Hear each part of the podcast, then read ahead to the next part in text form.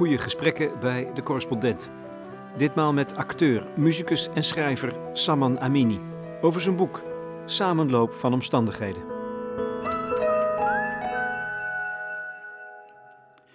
Het was wederom laat in de nacht dat ik met dichtgeknepen vuisten, met bloed kokend van woede in mijn bed lag. Mijn ogen gevuld met leegte, naar het plafond starend. De demonen in mijn hoofd waren overuren aan het draaien. Ik stond op het punt met mijn hoofd de muur in te gaan om mezelf maar de duisternis in te slaan. Een wijze man zei me ooit dit te leren. Alle emoties die jij diep in je hebt verborgen, zijn levend begraven zorgen. En op een dag zullen zij terugkeren. Vandaar dat ik deze brief begon te schrijven. Aan jou, kleine. Dank je. چه تدبیری مسلمانان که من خود را نمیدانم Het speelt zich af in het Theater aan het Spui in Den Haag, in het donker. Op tafel een lampje met een brandende kaars. We kunnen elkaar net in de ogen kijken. Om ons heen zitten mensen te luisteren in het donker. Dit is de tweede keer dat ik op uitnodiging van het Nationale Theater een podcast opneem met publiek. De intieme en intense setting past mijn gast, Saman Amini, als een handschoen. Zowel het duister als de intensiteit. Hij groeide op in Teheran en via een samenloop van omstandigheden en de toneelacademie in Maastricht groeide hij uit tot een van de spannendste acteurs in Nederland. Hij speelde de afgelopen twee jaar een voorstelling over zijn leven en dat van vele anderen onder die noemer Samenloop van omstandigheden. De tekst is nu uitgebracht onder dezelfde titel. De kleine die hij erin aanspreekt is dat Turkse jongetje dat een paar jaar geleden dood aanspoelde aan de zuidkust van Europa. Het was hem niet gelukt om aan deze kant van het hek te komen. Ik zeg Saman. Volgens mij ben jij zo vriendelijk als je bent eigenlijk een vulkaan. Ja, ja, Is dat zo? dat klopt wel een beetje, ja. Er gebeurt altijd wel heel veel bij mij van binnenuit. Wat, wat gebeurt er dan? Ik, ik ben van, eh, eh, ik denk dat ik dat van mijn moeder heb. Ik ben hypersensitief. En, en, en, en ik, ik, heb, ik, ik heb wat meegemaakt in het leven, denk ik. En dat zorgt ervoor dat ik heel veel voel, maar dat ik ook heel veel naar buiten wil brengen. Dat ik ook heel veel wil ver- vertellen. En dat maakt mij denk ik wel tot een vulkaan. Maar een vulkaan, zou ik zeggen, om het te preciseren, die op het punt staat van uitbarsten. Ja, heb jij, dat, heb, je, heb je de indruk als je het boek leest, zeg maar? Als ik jou zie, als ik lees, als ik je hoor, als ik naar je kijk, dan krijg ik die indruk. Ja, grappig. Ik vraag me af hoe dat komt. Ja. ja, er leeft denk ik heel veel bij mij binnen. Ja. En het is de vraag of het naar buiten mag. Ja, het ligt eraan een beetje waar je bent. Hè. Ik heb inmiddels wel geleerd eh, om dat do- door eh, op, op verschillende manieren te uiten. Ik ben bilanguage, zeg maar, als, een allochtone Nederlander. Ik praat hier heel anders dan als ik, weet ik veel, eh, met, andere, met, met mijn oude vrienden zit uit het Hoe, AZC. hoe praat je dan? Ja, minder verstaanbaar. Hoe, is, hoe klinkt dat? Hoe- Ik ben een oude vriend. Hey, kom, dat is moeilijk, man. Maar dan praat ik iets met me, ja, man. En eh, ja, toch. En ehm eh, hey, kom, we gaan, laat mij met die, ik kom niet met die, hele- met die dingen. Dus dan is iets, iets minder verstaanbaar, iets minder geprojecteerd. Maar dat is dan, als ik bij hun zo zou praten zoals ik nu bij jou praat, val ik daar buiten de boot. Ja, en wanneer ben je dan het meest jezelf? Ik ben altijd wel een versie van mezelf. Ik denk dat ik het meest bij mezelf ben als ik met mijn zusjes en mijn moeder ben. Daar, daar, daar mag het ook. Daar, daar voel ik me ook altijd wel ja, dit, het meest dicht bij je versie, denk ik. Maar als je dieper wil graven, ja. Bij hun speel je ook natuurlijk de rol van, eh, van de zorgzame broer of de trotse zoon. En helemaal in je eentje, ja, dan ben je denk ik toch in je brein. De ideeën, de, de dingen die je denkt, die niemand mag weten. Daar ben je denk ik het diepst jezelf. Je hebt emoties diep in je verborgen. Ja. En die komen altijd terug. Ja, het verbaast mij dat ik nog altijd denk van, oh, oké, dan, had ik, dan had ik een bepaald idee over waarom ik me zo gedraag. En dat je dan toch nog, dat ik nog altijd ontdek, oh, de reden dat ik nu dit doe is omdat ik toen ik vijf was dat en dat mee had gemaakt. Dus die cirkels. Dus dan blijkt het bijvoorbeeld, ik zat een liedje te luisteren van Willem, zijn nieuwe plaat heet Man in Nood. En een, een van de liedjes heet Houten Pak. Daarin beschrijft hij aan zijn vriendin van als jij weggaat, neem hem mee in je houten pak. En volgens mij is de houten pak het kistje. Dus als jij doodgaat, neem hem met je mee. En ik voelde die diepe liefde, wat hij probeerde te beschrijven in het liedje. En dat bracht mij naar mijn eerste liefde, mijn eerste vriendin. En dat is negen jaar geleden. Alleen die draden raakten elkaar, de snaren zodanig, dat ik brak. En ik ontdekte dat ik het na negen jaar lang blijkbaar zo, zo niet heb verwerkt dan wat ik dacht dat ik het gedaan had. Het verlies bedoel je? Ja, ja. Dat, dat, en als je het hebt over vulkanen, zeg maar, denk ik dat dus wij als mensen, of ik althans, ik wil niet voor iedereen praten, de ergste dingen verberg je denk ik het diepst. En je denkt dat je daar overheen bent, maar die leven nog altijd ergens. En dat gaat dan over het verlies van liefde? Ook. Maar andere emotie, die ik ook vulkanisch vind, is woede. Ja. Hoeveel woede zit er in jou? Ja, genoeg. Genoeg woede. Maar ik denk ook... Ja, dat, is ook een, dat is natuurlijk een van de... Een van de, zeker... Ja, maar die niet mag. Jij mag toch eigenlijk niet kwaad zijn? Dat, dat, dat, dat, dat wordt je wel vaak verteld. Vooral ook binnen, binnen de Nederlandse cultuur merk ik bijvoorbeeld... dat je wel...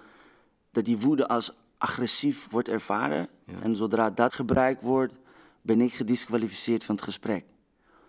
En terwijl ik mezelf heb geleerd dat woede eigenlijk een hele mooie energie is. Eigenlijk is alles wat er is, dat is er. En het kan zich negatief uiten, maar als jij leert om, daar, om ervoor zorgen dat die dingen jou een duw in de rug geven, zoals je woede of je pijn, dat dat uh, verrijking kan zijn. Ik heb niet dat ik me zodanig verlies dat ik om me heen begin te slaan. Dus die fase ben ik voorbij. Dat was toen ik 13 was misschien. Maar, maar als je het hebt, dat mag niet. Dat bedoel je binnen, binnen onze cultuur, binnen de Nederlandse cultuur. Toch? Nee, zeker. Maar ook jij als vluchteling niet. Ja, nee, dat, dat, dat, ik heb een heel en Ik vind trouwens, ik, ik had voor mij voorgenomen om je niet zo te noemen. Te noemen. Fijn dat je dat had voorgenomen. Ik wil je noemen iemand die gevlucht is, wat iets anders is dan een vluchteling. Ja, maar het is ook grappig als je het correct wil hebben. Ik ben niet gevlucht. Mijn ouders zijn gevlucht. Ik ben meegebracht. Toen je elf was? Ja, ik heb niet een keuze gemaakt van, joh, laten we, laten we je wegrennen. Dat is nooit mijn keuze geweest. En het gevaar van die termen is, is vind ik, dat, het, um, dat je zodra denkt, een vluchteling, dat is zoiets buiten van je af. zo ver. Ja. En hoef je er ook helemaal niet zoveel mee te maken. Alsof het een menstype is. Ja, ja, ja. Net als slaven. Terwijl, dat moet je ook niet meer zo noemen. Nee, nee, daar kunnen we over discussiëren. Maar ik denk, formuleren van zoiets is, is wel belangrijk. Omdat Um, om even terug te komen over woede en waarom het niet mag in, in de cultuur. Ik ben heel erg. Um, ik probeer altijd te waken over hoe ik naar buiten word gebracht. Natuurlijk heb ik op een AZC ge, uh, gewoond. Zes jaar? Ja, natuurlijk uh, kom ik uit een krottenwijk. En dat mag worden vernoemd. Maar als eerste ben ik een jongen die is afgestudeerd van de toneelacademie Maastricht. Als, mijn, ik vind dat de dingen, de, de, mijn talent representeert mij meer dan waar ik vandaan kom, vind ik. En tuurlijk speelt dat een rol. Dus ik was dat aan het verdedigen met iemand die een, een, eh, een, eh, een biografie aan het schrijven was. En ze wilden een bepaald product wat we samen gemaakt hadden, een tijd geleden, naar buiten brengen. Dus, en ik had dat gesprek gehad en toch las ik, Salman Amin is Teheran geboren in Teheran, gevlucht. Ik dacht, ah. En daar zei ik wat van, maar ik werd toen een beetje emotioneel. Dus je voelde een beetje de woede waar we het net over hadden. En toen kreeg ik een bericht van diegene van, ja, ik vind jou agressief. En, uh, en pap, pap, pap, en pap, pap, pap. En het raakte mij zo erg. Ik dacht, ik ik probeer dus op te komen voor hoe ik naar buiten gebracht wil worden. Want dat, wie ik ben, hè, dat is mijn naam, is mijn naam. En, en ik werd zo van tafel gehaald. Ik werd gedisqualificeerd van, hé, hey, je bent agressief. Alsof ik een, een of ander krassend aapje was. En, en, en dat greep me. Maar nogmaals, iets wat er is, dat is er. Dus ik ben daardoor uh, strategischer gaan denken. Dus dan moet, je, dan moet je op eieren lopen, steeds. Want die ja, is er, dat is iets goeds. En het kan niet, dus dan ben je voortdurend aan het dealen in jezelf. Ja, maar dat doe ik niet. Ik weiger dat. Omdat ehm, als ik constant op eieren loop, dan, dan wordt dat mijn loopje. Snap je? Dan, dan ga je de fysiek constant zo door het leven lopen. En dat Een beetje gebogen. Ja, en dat zie je bij oudere generatie allochtonen. Zie je dat wel vaker dan bij de jongere generatie. En ik vind dat ik, uh, uh, na, kijk, na hoe ik het Nederlands heb leren spreken, hoe ik s- meeste dingen heb omarmd aan de cultuur, dat ik ook het recht heb om voor, voor een deel mezelf te blijven. En dat zal ik ook doen. En dat zal botsen. En ik ben ook bereid dat het tot over 40 jaar nog botst. Maar dat is het gesprek. Echt, echt waar? Ja, en daarmee, kijk, hoe ik ben, hoe ik eruit zie. In dit gesprek is het een interviewer en een schrijver in dit geval. Maar daarbuiten, voor een tankstation, moet ik voorbereid zijn dat ik voor een café sta ergens over 30 jaar, dat een aangeschoten man langsloopt en roept: Geen criminele activiteiten hier, hoor. En dat ik dat daarmee moet leren leven. Dat is denk ik, Ben je daartoe bereid? dat moet wel. Dus al, ik, Ja. ja, wat ga ik doen? Nou ja, het, wat ik een, de sleutels in vind, in Mhm. samenloop van omstandigheden. Yes. Ja, de, het boek dat nu uit is, met schitterende en duistere illustraties van Tom Jager. Het is de tekst van de voorstellingen die je de afgelopen twee jaar hebt gespeeld onder dezelfde titel. Ja, en er zijn, twee, eh, er zijn ook twee nieuwe teksten erbij geschreven. Ehm, sleutelzin in die tekst is voor mij: eh, de meeste mensen of veel mensen ehm, zijn er om te leven. Mooi. Ik leef om er te zijn. Wat betekent het dat jij leeft om er te zijn? Wat dat betekent.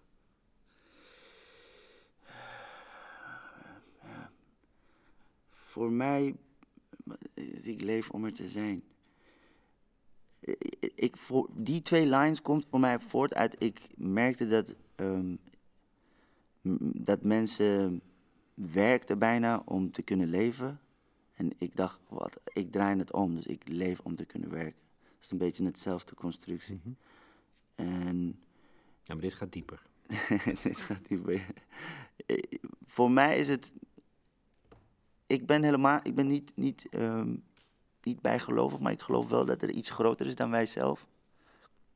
En als ik terugkijk naar mijn leven, als ik eh, mijn moeder en mijn vader analyseer, waar ik vandaan kom, wat ik nu allemaal doe, dan klopt het allemaal tot op de puntjes. Dus dan is er iets geweest dat ik nu hier ben, dat ik ben, dat ik doe wat ik doe. En volgens mij gaat, gaan die twee lines een beetje daarover. Dat het klopt? Ja, dat ik, dat ik leef om er te zijn. Is dat een beetje antwoord op je vraag? Ehm, Hoe interpreteer jij het? Daar ben ik ook wel benieuwd naar. nou ja, dat dat dus een gevecht is om gewoon te bestaan voor jou. Hmm. Ja, mooi. Daar ligt onder er te mogen zijn. Ja. Ja, mooi. Zonder dat je je het gevoel hebt dat je jezelf corrumpeert. Dat je, Ja, en ik weet niet of ik. eh, Wij spelen natuurlijk allemaal rollen, dat heb je net gedefinieerd. Ja. Van, ja, eh, je schakelt, dat doen we natuurlijk ook allemaal. Maar daaronder ligt voor mij, denk ik, het vertrouwen dat dat, dat het toch allemaal één kern heeft of zo. hm. ja het is ook mooi. Het is een mooie interpretatie. Ik vraag me af of ik dat zo heb bedoeld. Maar het zou heel goed Het is kunnen. nog dat- beter als je het niet zo hebt bedoeld. Nee, maar Nee. het kan, het kan zo. Kijk, soms schrijf je ook iets onbewust, hè, dat, dat, dat een andere betekenis heeft. ja, want re- een, een of twee regels, of misschien een pagina later is... ik houd van mezelf, maar de liefde is niet wederzijds. Ja, ja, ja. En het, het, het komt uit een, dat een, ehm, uit een tijd waar ik een, een, een dierbare vriend kwijt was geraakt. En ehm, ik was niet op mijn best toen. Maar het, Hoe, hoe ik, oud was die vriend? 25. En, en waarom ben je hem kwijtgeraakt? Eh, longembolie. Ja.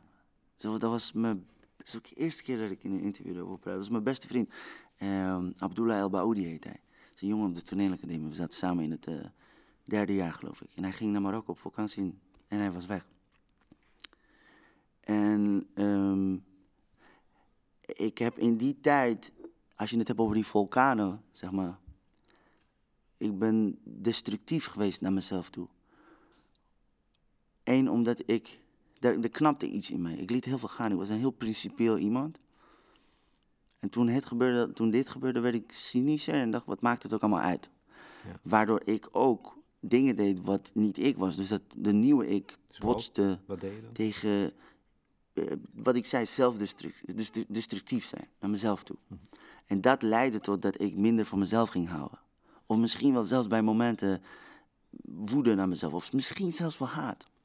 En kijk, los daarvan dat ik dat een mooie, mooie zin vind. Ik hou van mezelf, maar de liefde is niet wederzijds. Van je speelt natuurlijk gewoon ook met talen.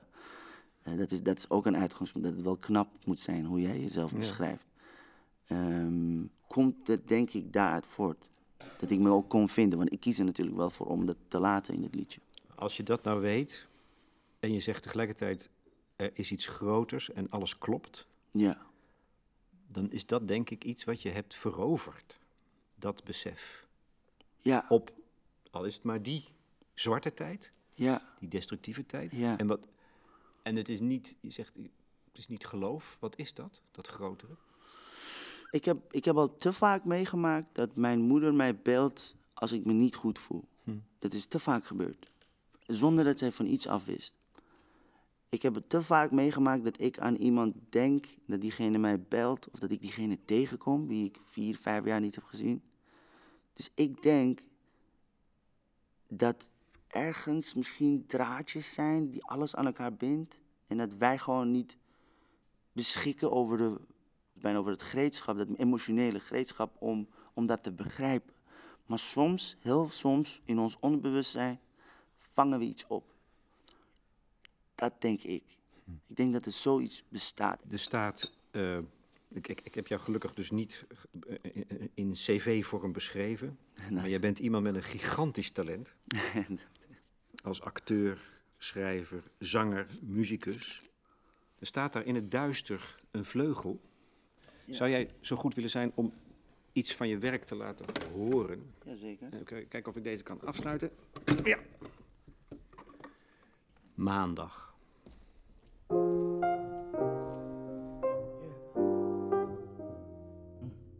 Toen ik jong was, jong was, dacht ik dat de hemel op de maan lag.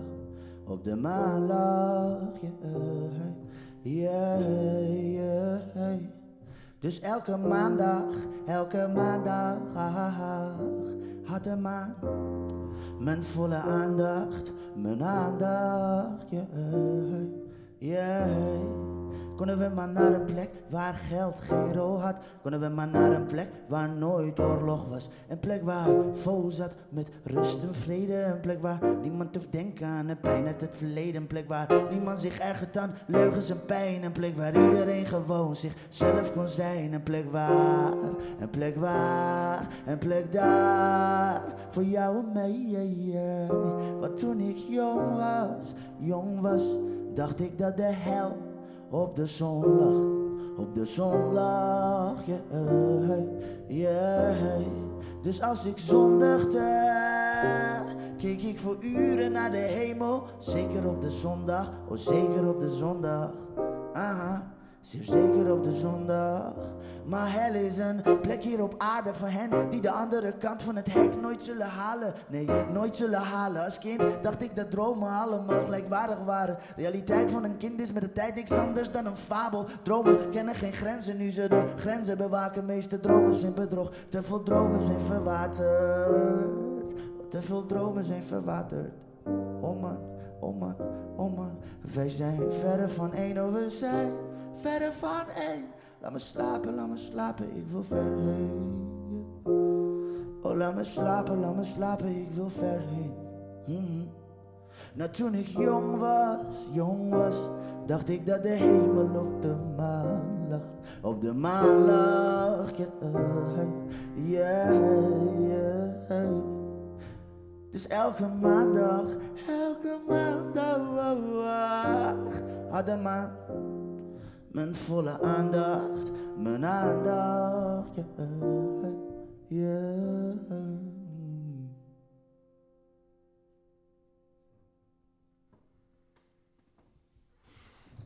Ja, Dankjewel.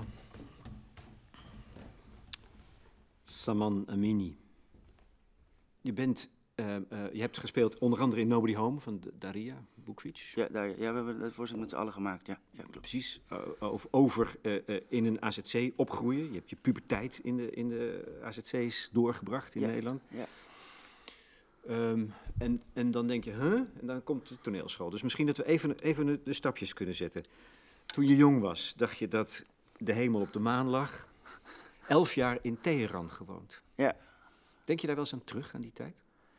Of hoe vaak, moet ik eigenlijk vragen, hoe denk je? Het, het, het gaat van extreem veel naar nul, zeg maar. Maar dat, ook dat is denk ik een van de diep verborgen dingen waar ik het over had in het begin. Ja. Ik denk dat je als, als je ergens, als je zo abrupt verandert van je omgeving, dat je twee keuzes hebt. Of je blijft hangen in het oude plek waar je vandaan komt, of je omarmt al het nieuwe wat, wat naar je toe komt. En ik ben een tweede geweest. Ik heb alles wat nieuw was omarmd. Denk ik ook bijna het soort van, wat ik, eh, die hypersensitiviteit van, oh, oké, mijn thuisland niet, dan, dan ook echt niet.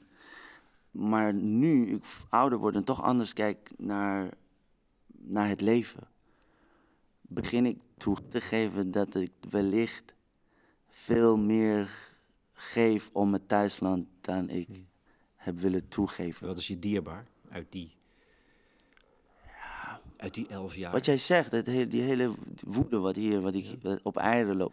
Vraag me af of dat thuis zo zou zijn geweest, zeg maar.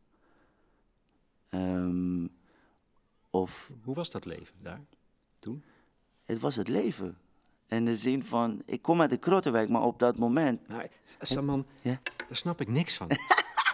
Als je zegt, ik kom uit een krottenwijk, Ja, dan ik heb toch, ook dan heb ik toch geen, geen idee wat Nee, dat voor leven is. Ja, zeker. Dat komt ook in het, in het boek komt het voor. Ik kom uit een redelijk arme wijk in, eh, in Teheran. Een dorp wat net langs de bergen was. Dus als je vanuit de stad naar, de, naar ons toe moest, moest je een kilometer of twee de helling op, zeg maar. En, en daar, daar heb ik de meeste van mijn tijd in, in Iran doorgebracht. In de bergen. Ja, vlak, vlak langs de bergen. En wat ik ook heb gezegd, wij waren nogal een van de gezinnen die, die rond konden komen. We hadden het niet breed, maar in vergelijking met sommige van de vrienden uit de buurt waren wij gezegend, kan ik wel zeggen. Met bijna niks. Dus. Ja, nee, ik heb echt kamers gezien waar mensen met z'n vier en vijfde woonden, nog kleiner dan een kamer op het AZC. Met een kacheltje, klein kacheltje en, en, en een tv. En de jongens kwamen altijd bij ons tv kijken. Ehm, dus ik heb, ik heb wel armoede van dichtbij mee mogen maken. En met dichtbij bedoel ik echt aan langs het veld gewoon echt zien wat dat doet met de mens. Had je honger ook bijvoorbeeld? Is er honger geweest? Voor mij niet. Eh, Ik kan wel met trots, trots zeggen dat mijn moeder wel zo georganiseerd was dat ze, de- dat, ze dat weten te En voorkomen. wat deden je ouders dan? Kijk, de economie in Iran is zoals nu met de sancties natuurlijk. De inflatie is iets, geloof ik, ik moet niet in percentages praten, maar het is iets van rond de 17% per jaar. Dus het gaat elk jaar weer achteruit. Wat, wat wil zeggen dat, dat de luxe dingen, zoals vlees, ehm, cola, snoep, fruit, dat voor de jongens waar ik vandaan kom, dat dat een schaars iets is. En, en dat zegt denk ik genoeg, die tekortkomingen. Terwijl je hebt televisie, dus je weet donders goed dat het er allemaal is ook. Ook, ja, en nu natuurlijk met de mobiele telefoon is dat tien keer erger. Je, ziet op Instagram iemand dingen posten met, weet ik veel, my Italian lunch en my brand new car. En er is iemand aan de andere kant die dat ziet, die, die misschien niet eens een voetbal heeft om mee te voetballen.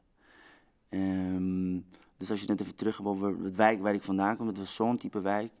En ik, ik weet nog de eerste keer dat ik een soort van een gehandicapt iemand in de hoek van de straat zag zonder armen en één been, die zat te bedelen. En mijn moeder had me geld meegegeven om brood te halen. Maar ik zag dat en ik, dat, pss, dat pakte me zo erg. Ik brak en ik heb het geld aan hem gegeven en ik kwam huilend terug naar mijn ma van... Ja, ik snap het niet, wat is het? En dus, ik was ook dacht, oh shit, ik heb het geld aan hem weggegeven. En dat moest ik dan aan haar uitleggen. Maar mijn moeder, Je had geen brood bij je. Nee. nee, maar die, die, die ving het wel goed op. En ehm, Wat deden je ouders? Mijn moeder was... eh, eh, mijn moeder was eigenlijk een hosselaar, kun je wel zeggen. Ja, een zij is- fixer. ja, een fixer. Zij is een s- naaister. Maar ze was op een gegeven moment, ze moest verdienen. Dus ik weet nog, ze was ook een kapper, kapster. Dus als mensen moesten trouwen, ze naaide kleding voornamelijk. Maar op een gegeven moment ging ze ook naar het noorden van Iran. En kocht ze allemaal spullen. En dat verkocht ze in de buurt door aan de mensen uit de buurt. En mijn vader, mijn vader had zijn eigen remschijfbedrijf. Maar toen ik vier was, eh, is hij failliet gegaan. En dat leidde eigenlijk tot dat hij van baan naar baan wisselde, maar nooit echt ergens kon landen. Ehm, dat. Ja. E- Even grote stappen, want ik wil toen naar dat acteur worden. Ja, eh, ja. eh, Je ging naar school, maar heb je toen al was er iets van een talent voor theater, voor spelen, toen als kind? Ja, kijk, ik tot, tot mijn derde, en dat kan ik me niet herinneren, maar mijn moeder zegt me dat ik heel vaak in een, een band vormde, dat was een Iraanse band. En dat ik dan met een, gitaartje zo, dat, dat, dan dat ging nadoen. En dat ik in de bus ook zong. dat heb ik ongetwijfeld van mijn moeder eh, gekopieerd, mijn moeder is ook een zangeres. Shit, had ik bij moeten zeggen. Maar, en, yes, sorry mam. En, en, en dat ik, ik maar ik kan me dat niet herinneren. Dus ik ben op een gegeven moment vier en vijf ben ik verlegen. Heb ik dat heel lang niet meer gedaan. Totdat ik 14, 15, 16 werd, geloof ik, op het AZC op kamp was. Dan ging je met de kids van AZC op het kamp. En ik in het midden stond en twintig jongens en meisjes om me heen. En ik alle verhalen vertellen. Ze hey, vertel nog die mop en die mop. Eh, eh, vertel dat, dat, dat, dat, dat. En eh, eh, ik was wel de verhalenverteller, zeg maar. Dus In het AZC. Het AZC, ja, ja. Dat, dat, dat ontdekte je toen gewoon al Ja, doende... op kamp. Ja, ik was wel altijd, als wij weet ik veel, iets geks hadden uitgehaald, dan zeiden ze van Sam, vertel jij het. En, eh, maar ik had dat natuurlijk allemaal niet door. Totdat ik, toen ik 16 was, in aanraking kwam via eh, Stichting Vrolijkheid. Arash Yaqin was een Afghaanse man die, iets, die, die dat volgens mij eerder had gezien in mij. En eh, zodoende deed ik auditie. Maar mijn motief was ook oh, uit het AZC, gratis treinkaart, er komen meisjes. Dat was mijn motief, ik eerlijk in.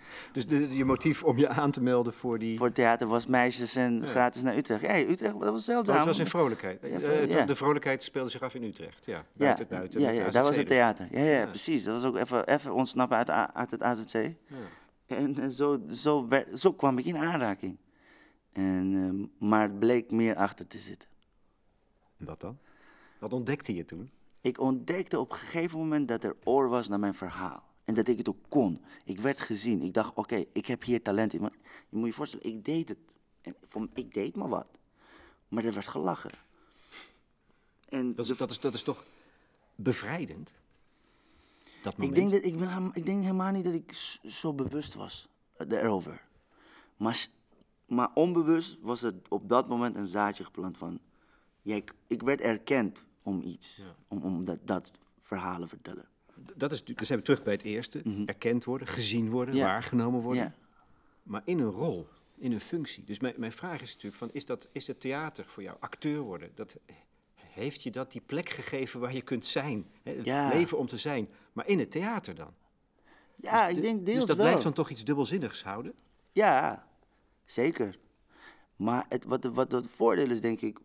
En kijk, ik denk, ik ben een kunstenaar, waardoor ook dat op eieren lopen en zo. Ik kan ook een beetje gek zijn en dat wordt ah, want bij, bij, als kunstenaar kan je ook wel meer permitteren dan Ja. een beetje eh, uit de boog te schieten dan als je in een bank zou werken.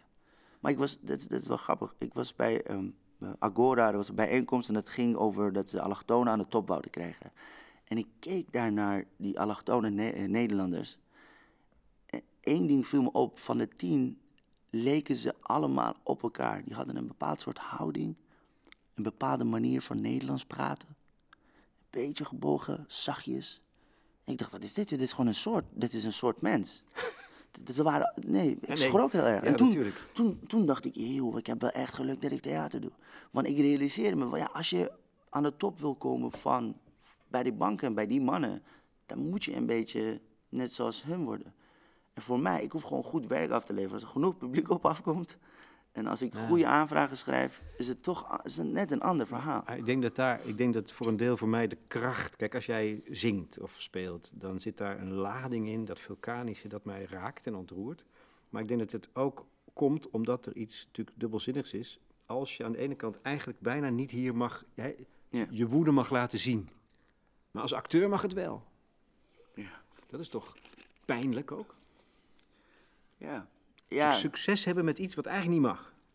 ja, grappig. Ja, zo heb ik er nooit naar gekeken. Nee, dat weet ik wel. Maar Dus, eh, dat is dus- niet prettig namelijk ook. Ja, nee, dat, is, dat is een mooie observatie. En ik zal, het- ik zal er even over nadenken hoe, prettig of onprettig ik het vind.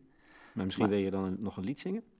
Ik wil zeker nog een lied zingen. Namelijk, laat me toe. Eh, weer het lichtje meenemen? Ja, neem het mee.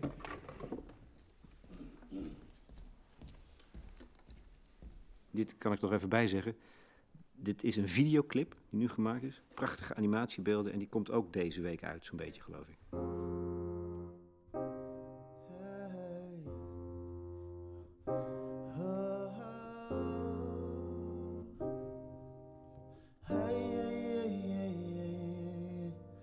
Ik spreek nog algemene Nederlands dan een algemene Nederlander. Zegen en een vloek, zwarte kleuren, scheve tanden. Mijn hart is gebroken en jij vindt dat ik aan het overdrijven ben.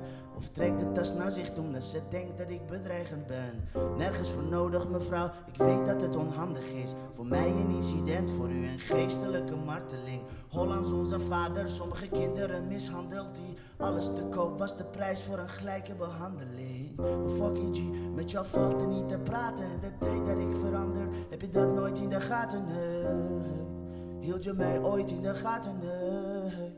Nee.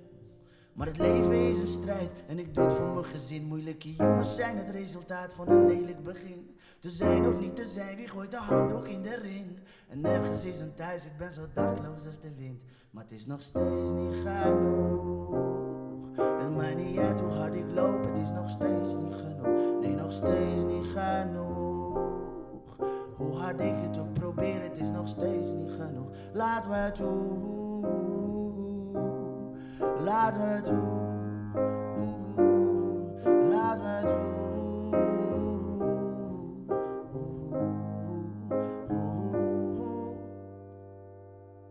Noem me een allochtoon, een profiteur, een probleem, tweederangs, een zwarte scha en een motherfucking buitenbeentje. Maar als ik praat, doe gewoon, ken je plek, dim je toon of krijg maar terug onder je modder, modder eigen steentje. Een vrije menings waar het westen van geniet. Voor Sergio en Latifa en Mahmoud geldt het niet. Is de pijn van Fatima minder dan die van Christina? Want iedereen is Charlie en niemand is Palestina. Maar het leven is een strijd en ik doe het voor mijn gezin. Moeilijke jongens zijn het resultaat van een lelijk begin. Te zijn of niet te zijn, wie gooit de handdoek in de ring? En nergens is een thuis, ik ben zo dakloos als de wind. Maar het is nog steeds niet genoeg. Het maakt niet uit hoe hard ik loop, het is nog steeds niet genoeg. Nee, nog steeds niet genoeg. Hoe hard ik het ook probeer, het is nog steeds niet genoeg. Laat me toe. Laat me toe.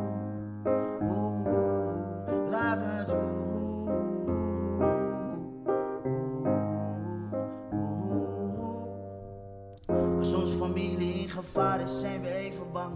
Als de wolken de zon voorbij zijn, schijnt die even lang. God hoort de klagen van zijn mensen rond de evenaren. Band alle ratten in pakken van aarde, levenslang. Laat me toe, laat me toe. Laat me toe, laat me toe, laat me toe. Voor het te laat is.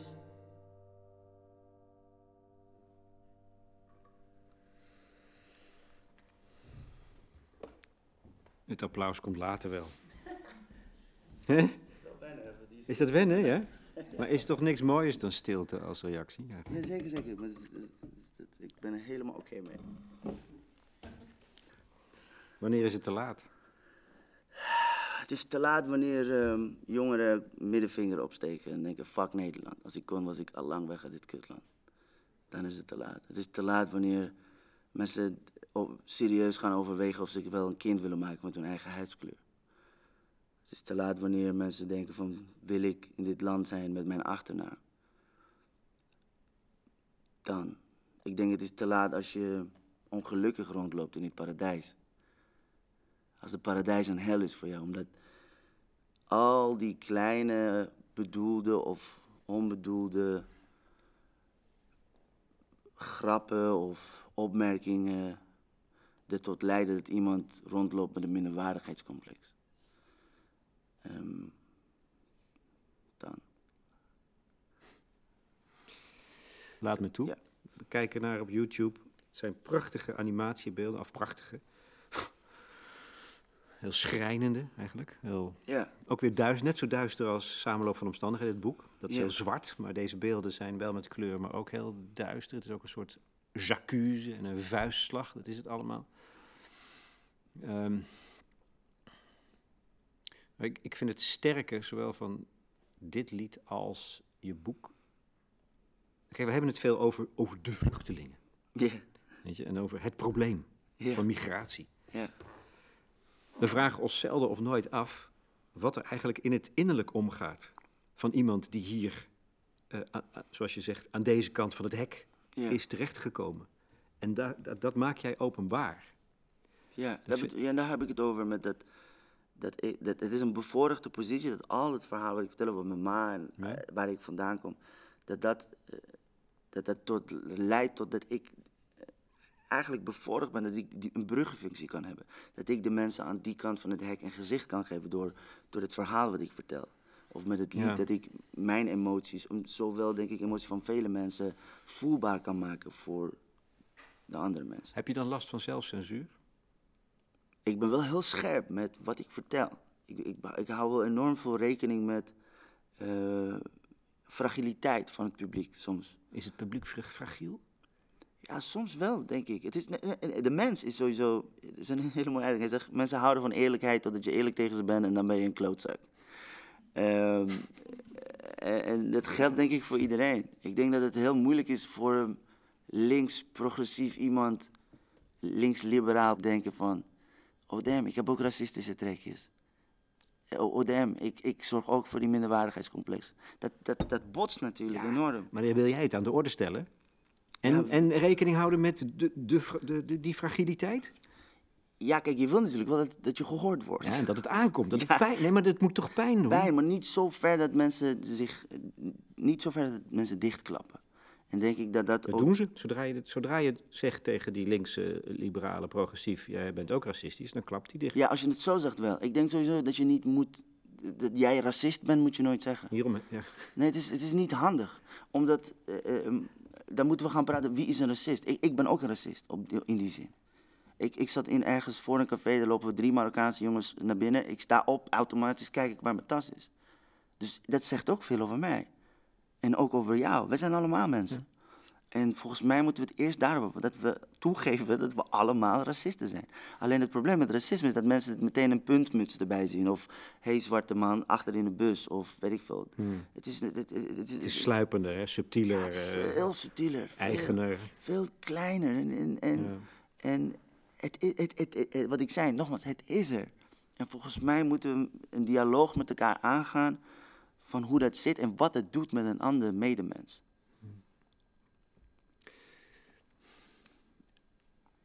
Iets anders is dan, want je zegt, ik, ik zit hier in het paradijs. Maar als ik iets begrijp van samenloop van omstandigheden, dat dat gepaard gaat met schuld. Nee, schuldgevoel. Ja, het is... eh, En met schaamte.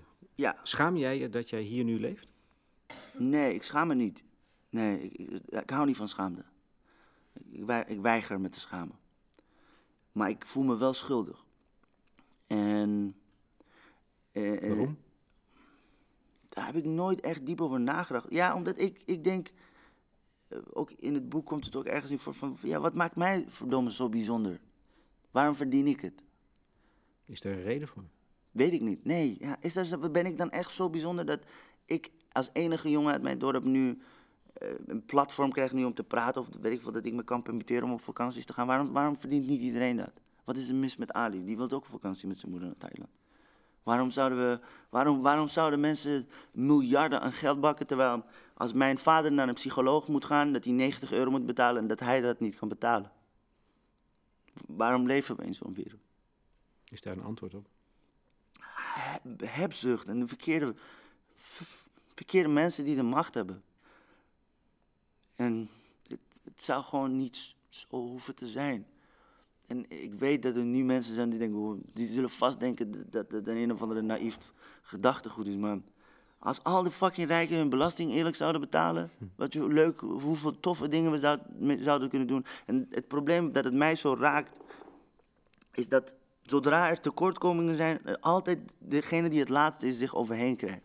Dus al die mensen die blijkbaar nu meneer Wilders stemmen, die zijn ook een soort van radicaal bezig. En dat komt voor dat armoede. Het komt voor dat sinds 2008 moeten mensen 150 euro betalen per jaar voor een verzekering. En inmiddels is dat bedrag opgelopen tot 350 euro. Iemand die van, van, van 200 euro per maand moet leven, dat doet pijn, 350 euro.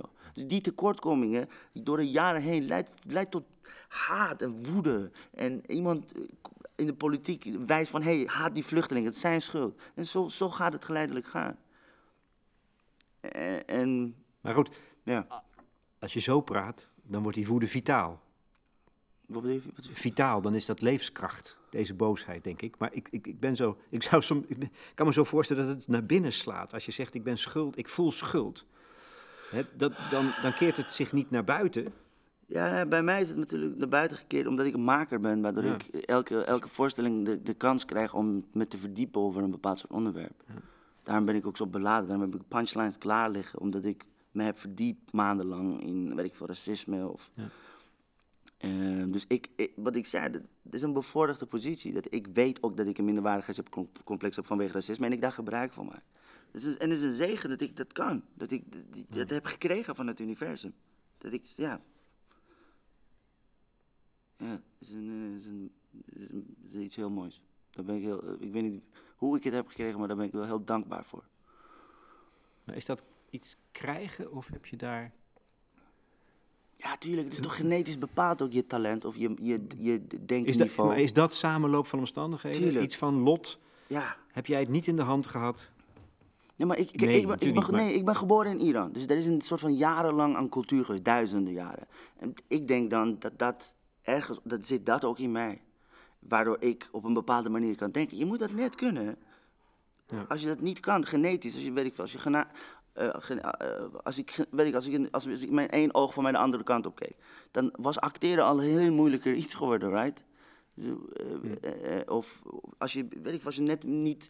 Ik, ik, ik, heb ook een, ik ken een andere jongen die ADHD heeft. Die valt gewoon net minder in smaak bij mensen dan hoe ik in de smaak ben gevallen. Bij mij was het altijd grappig, oh, hij is een beetje druk. Ja, en waar, Ben jij, ben jij ADHD'er? heb je dat niet gemerkt? Nee. Oké. Dat vind ik echt zo bizar. Ja, ik dacht altijd dat het AZC was, maar het is gewoon heel veel ADHD. Man. Weer een etiket. Ja, ja, ja, ja, ja, maar ja, dus dat. Ja. Nee, maar dan ben je een, dan ben je een soort mazzelaar. Ik denk, ja, ik heb heel veel geluk. Dat is toch raar? Maar dat, is toch, dat besef is toch raar? Dat bedoel ik eigenlijk. Dat besef is raar. En eh, je zei net in, in het begin, alles klopt. Ja, Maar er- in dat alles kloppen zit en de mazzel en de strontpech voor anderen. ja, ja, ja. En dat, dat, dat kan dan soms zwaar vallen voor mij. Dat ik, dat ik dat merk, dat ik denk, shit, dat meisje is zes. Dat had net zo goed mijn zusje kunnen zijn. En die, eh, die loopt nu ergens zonder ouders rond in Syrië. Dat vind ik soms wel heel zwaar. Vooral als ik heel veel geluk ervaar zelf. En ik denk dat dat iets is ja, waar ik mee moet leven. En het is ook... Ik kan me heel goed voorstellen dat als mensen mijn werk zien, zeg maar... dat ze denken dat, oeh, deze is één jongen zwartgallig. Hij zwemt een en al in duisternis. Maar het valt heel erg mee. Vooral als je, als je mij meemaakt met mijn moeders en mijn zusjes. Dat is één stukje paradijs, is het, zeg maar. Wat, wat, wat, wat zouden we dan zien? ja, de manier waarop we met elkaar omgaan, hoe, hoe, Liefde, denk ik liefde. Kijk, jarenlang in één kamer wonen heeft, werd tot geleid dat we een super sterke band hebben. Dat ik kan blowen met mijn moeder als ik dat voorstel en dat zij ervoor open staat. Of dat we met familie of mijn zusje. eh, We hebben een super hechte band. Dat ik met haar kan praten over bepaalde dingen wat 99 van de Iraanse mannen dat niet zouden doen. Dus ja, het is, het is, het is, het is, het is heel veel. Het is, heel- het is prachtig. Ja, dat vind ik geloof ik het, het- wat, me, wat me echt raakt, wat me ont- echt ontroert in jou. Dat is dat je met die hele geschiedenis, en we hebben er nu maar een heel klein beetje van, van ehm, ja, gehoord, denk ik. Dat jij uiteindelijk toch in staat bent om het, het leven als zodanig te omhelzen. Ja. Ja, ja, wat moet je anders? Het hoofd in de schoot leggen, weglopen. Nee, Ja. maar ik- Ja, nee, dat is mooi. Ja. Ja, nee, ik weet niet. Ik weet niet waarom. Ik denk ook weer voorbeelden. Mijn moeder was een strijder, is een strijder. Ja, ik heb haar altijd. Ze heeft, al- ik heb haar altijd actief gezien. Altijd hoop, altijd mooi, altijd liefde. Ook toen wij heel weinig hadden, liefde voor een ander. Dit- een van de mooie dingen die ik van mijn moeder heb geleerd is denk ik zelfopoffering voor een ander. En wij, wat ik zei, ik kom uit een arme buurt, dus als je barbecuet bij ons. En dat vind ik een alle. en inmiddels ben ik, probeer ik minder vlees te eten. Dus dan, dat nu, nu is dat beeld helemaal weg. Maar als kind vond ik dat echt de beste shit ooit, barbecue. En als ik dat aan mijn moeder vroeg, van yo, kunnen we dat barbecue? Kunnen we dat doen? En zij zei altijd, nee liever, nee. Waarom niet? Als wij hier gaan barbecuen, en geur, dat gaat waaien over de buren en zo. Die kunnen geen vlees betalen. Dan willen die kinderen het ook. Als wij het dan deden, gingen wij helemaal de bergen in, zodat de buren daar geen last van zouden hebben. Bedenk je die mentaliteit van haar. En wat ik zei, je moet net zo goed geluk hebben dat je moeder dat is. Als je een moeder hebt die, ah, weet ik veel, eh, heel anders is, dan krijg je andere dingen mee. Ja. Mooi. Ik ben, eh, ik ben blij dat je er bent, Saman. Dankjewel. Ja, dankjewel dat ik het mag zijn. نشانم بی نشان باشد. مکانم لا مکان باشد. نه تن باشد نه جان باشد نه تن باشد نه باشد. که من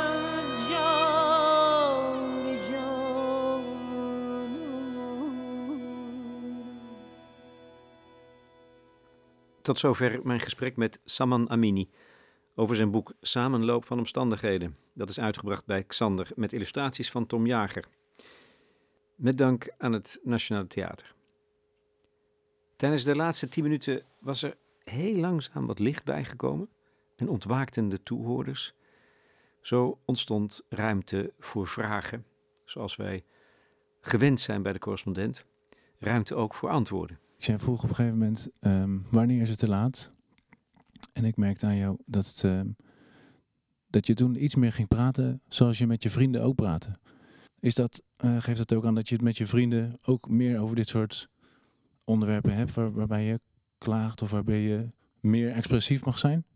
Zeker, in een, in, een, in een veilige setting hebben we het natuurlijk wel op een hele andere toon over racisme. En we, En wat zeg je dan? Want dat is natuurlijk inderdaad wel dat ga ik interessant. natuurlijk niet zeggen, want dat is de veilige setting. nee, maar ik, kijk, nee, maar dit is belangrijk. Kijk, je moet ook natuurlijk kunnen van je eh, stoom af kunnen blazen. Dat, dat moet er kunnen zijn.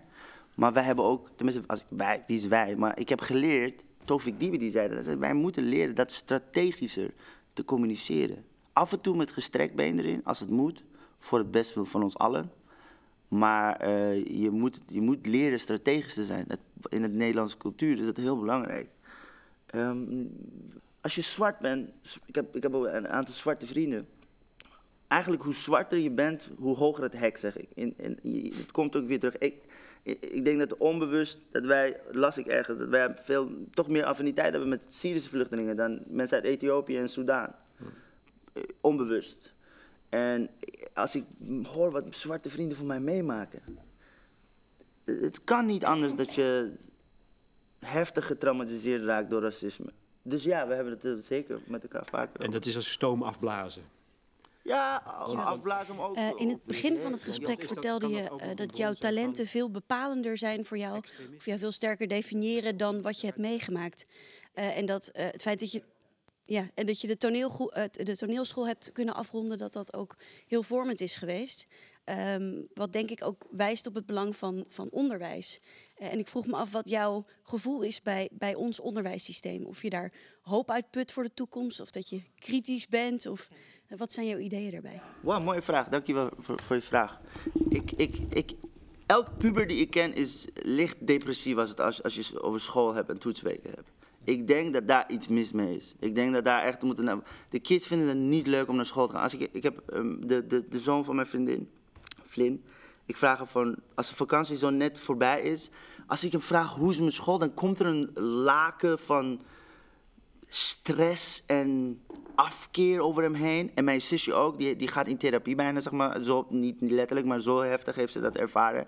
En ik denk, we moeten toch even met z'n allen gaan kijken of we dat toch nog anders kunnen doen. Want we leven toch echt in een andere tijd. Ik hoef helemaal niet, ik weet niet of het zo nodig is dat je van uit je hoofd kunt uitrekenen wat 20 23 keer 45 is. Waar, waarom? Gewoon, we hebben telefoons. Of, dus ik denk, en ik, ik weet niks. Hè. Er, zijn mensen die veel slimmer zijn die dat opnieuw zouden kunnen inrichten. Eén. En ik denk eh, over segregatie in het gebied van eh, een, inclusievere samenleving.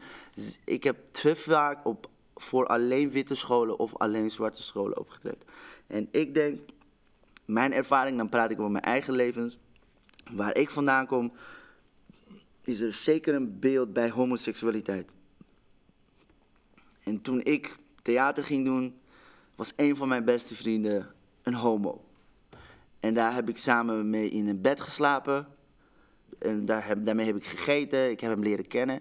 En dat heeft mijn kijk op zijn hele eh, zijn veranderd. Of op homoseksualiteit. Om al- Dus ik heb een heel ander kijk daarop. Dus ik denk als Nederlandse kids samen zitten met eh, eh, eh, zwarte kids, als je dat echt mengt, als dat een must wordt vanuit ons, dat je later, hoe wij nu over ras praten en zo, zij gaan ons uitlachen over 30 jaar.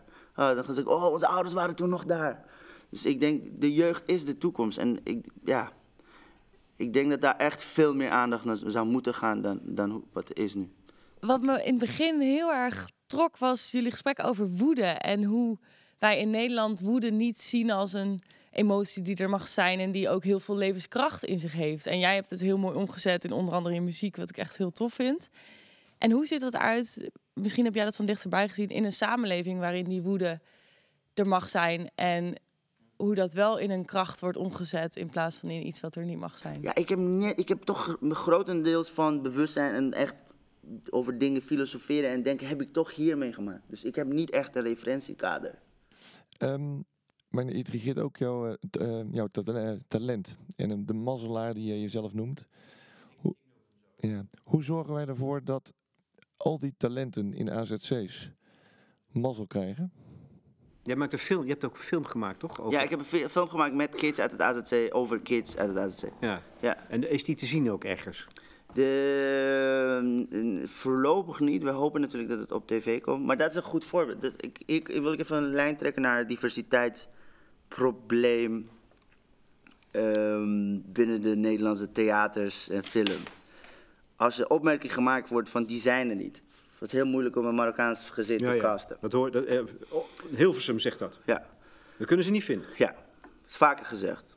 Ehm, deels klopt het, maar deels denk ik ja, maar willen we daarheen? Lijkt mij van wel, er wordt heel veel geïnvesteerd daarin. Dan staat ons één ding voor, namelijk die mensen die wij willen hebben gaan halen. En, en om een voorbeeld te geven, wij waren op zoek naar een Syrisch acteur, een jochie, wat net op het AZC was komen wonen. Dat is heel moeilijk, dat kan je niet vinden bij uh, Casting. Job Kostelijn Casting heet het tegenwoordig trouwens. Ehm, ehm, maar wat wij gedaan hadden, we hadden dat georganiseerd en dat kostte meer werk, zeker. Maar we, hadden, we gingen langs, geloof ik, tien AZC's en daar hadden we bij elkaar iets van een paar honderd kids gezien. En daar hadden we twee maanden een selectie gemaakt. We gingen van een paar honderd naar vijftien en van vijftig gingen we naar drie. En daar zit één jongetje, die heet Omar. En daar heb ik nog steeds vrienden mee, daar heb ik contact mee. En dat is één kleine Al Pacino is dat. Die, die, die jongen kan spelen, maar hij, hij speelt echt... De gemiddeld BN'er speelt hij weg, zeg maar. Op, op de, Hoe oud is hij nu? hij is nu 14. Oké. En hij woont in Oost, dus hij praat dus met soort van een Brabants accent. Wat ik heel moeilijk vind nu om met hem te communiceren. Dat, dat is een apart iets.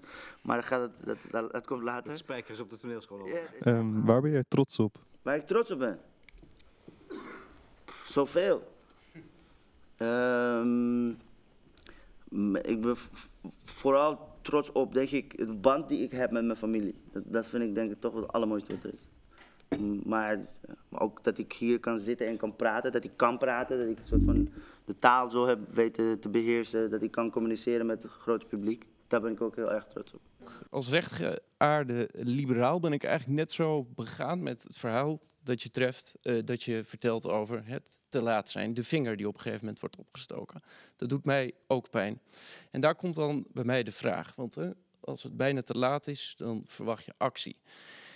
Ben jij, er komt de vraag, ben je van mening dat het hier, eh, die actie, eh, gaat om een wederzijdse inspanning, waarbij jij net zo goed verplicht bent om je volledig in mij te verplaatsen, hoe ik naar immigranten kijk, of is het vooral een verplichting van mij om goed te begrijpen hoe jij, eh, wat jouw achtergrond is en hoe jij naar ons kijkt, het leven ervaart. En dat laatste mogelijk als reden hè, voor die meer eenzijdige actie dat ik mij jou moet verplaatsen, omdat ik nu juist behoor tot die gevestigde orde en er dus daarmee een grotere verplichting op mij rust. Eh, tof, dankjewel voor het schrijven. Ik zou de tekst heel graag willen hebben, mocht je dat willen bijwerken. Als je, als je het zo op mijn Instagram of zo wil sturen, zou ik het heel graag ontvangen. Nee, ik vind het tof, ik vind het heel mooi. Eh, natuurlijk is het wederzijds. Natuurlijk. Ik denk, zo, zo als je het... ehm, ik denk dat het deels is, die voorbeelden, dus buiten leraren, eh, media speelt een grote rol. Maar zeker ook je ouders in je eigen cultuur. En natuurlijk komt het van beide kanten. En ehm, ik denk alleen, als er vaak genoeg vanuit de norm vanuit wordt gegaan dat die manier de manier is. En, en Amsterdam is een goed voorbeeld. Daar is het, volgens mij is het een van de Amsterdam-Rotterdam, daar is de balans in wie de norm bepaalt en de inwoners, dat is nog ongelijk. Er is niet genoeg representatie vanuit, eh, vanuit die, al, al die hoeken. Dus ik denk dat we op die manier, vanuit degene die de norm bepaalt, eerder een hand zouden kunnen uitreiken naar iemand zoals ik om te vragen van, ik moet iets hiermee doen, maar ik heb eigenlijk geen idee. Kan jij mij daarbij helpen? Eh, dat is wat ik mee bedoel. Dus laat me toe is laat me toe in de zin van, vraag mij om mijn hulp wanneer je dat nodig hebt en ik zal er zijn.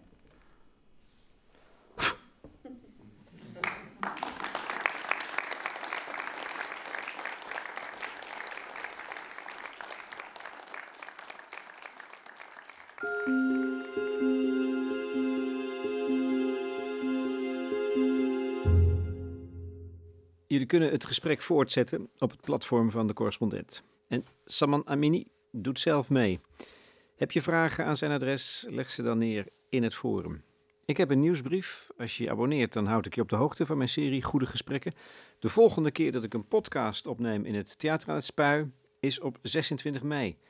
Daar kan je dus bij zijn. Moet je even reserveren. Het lijkt wel televisie.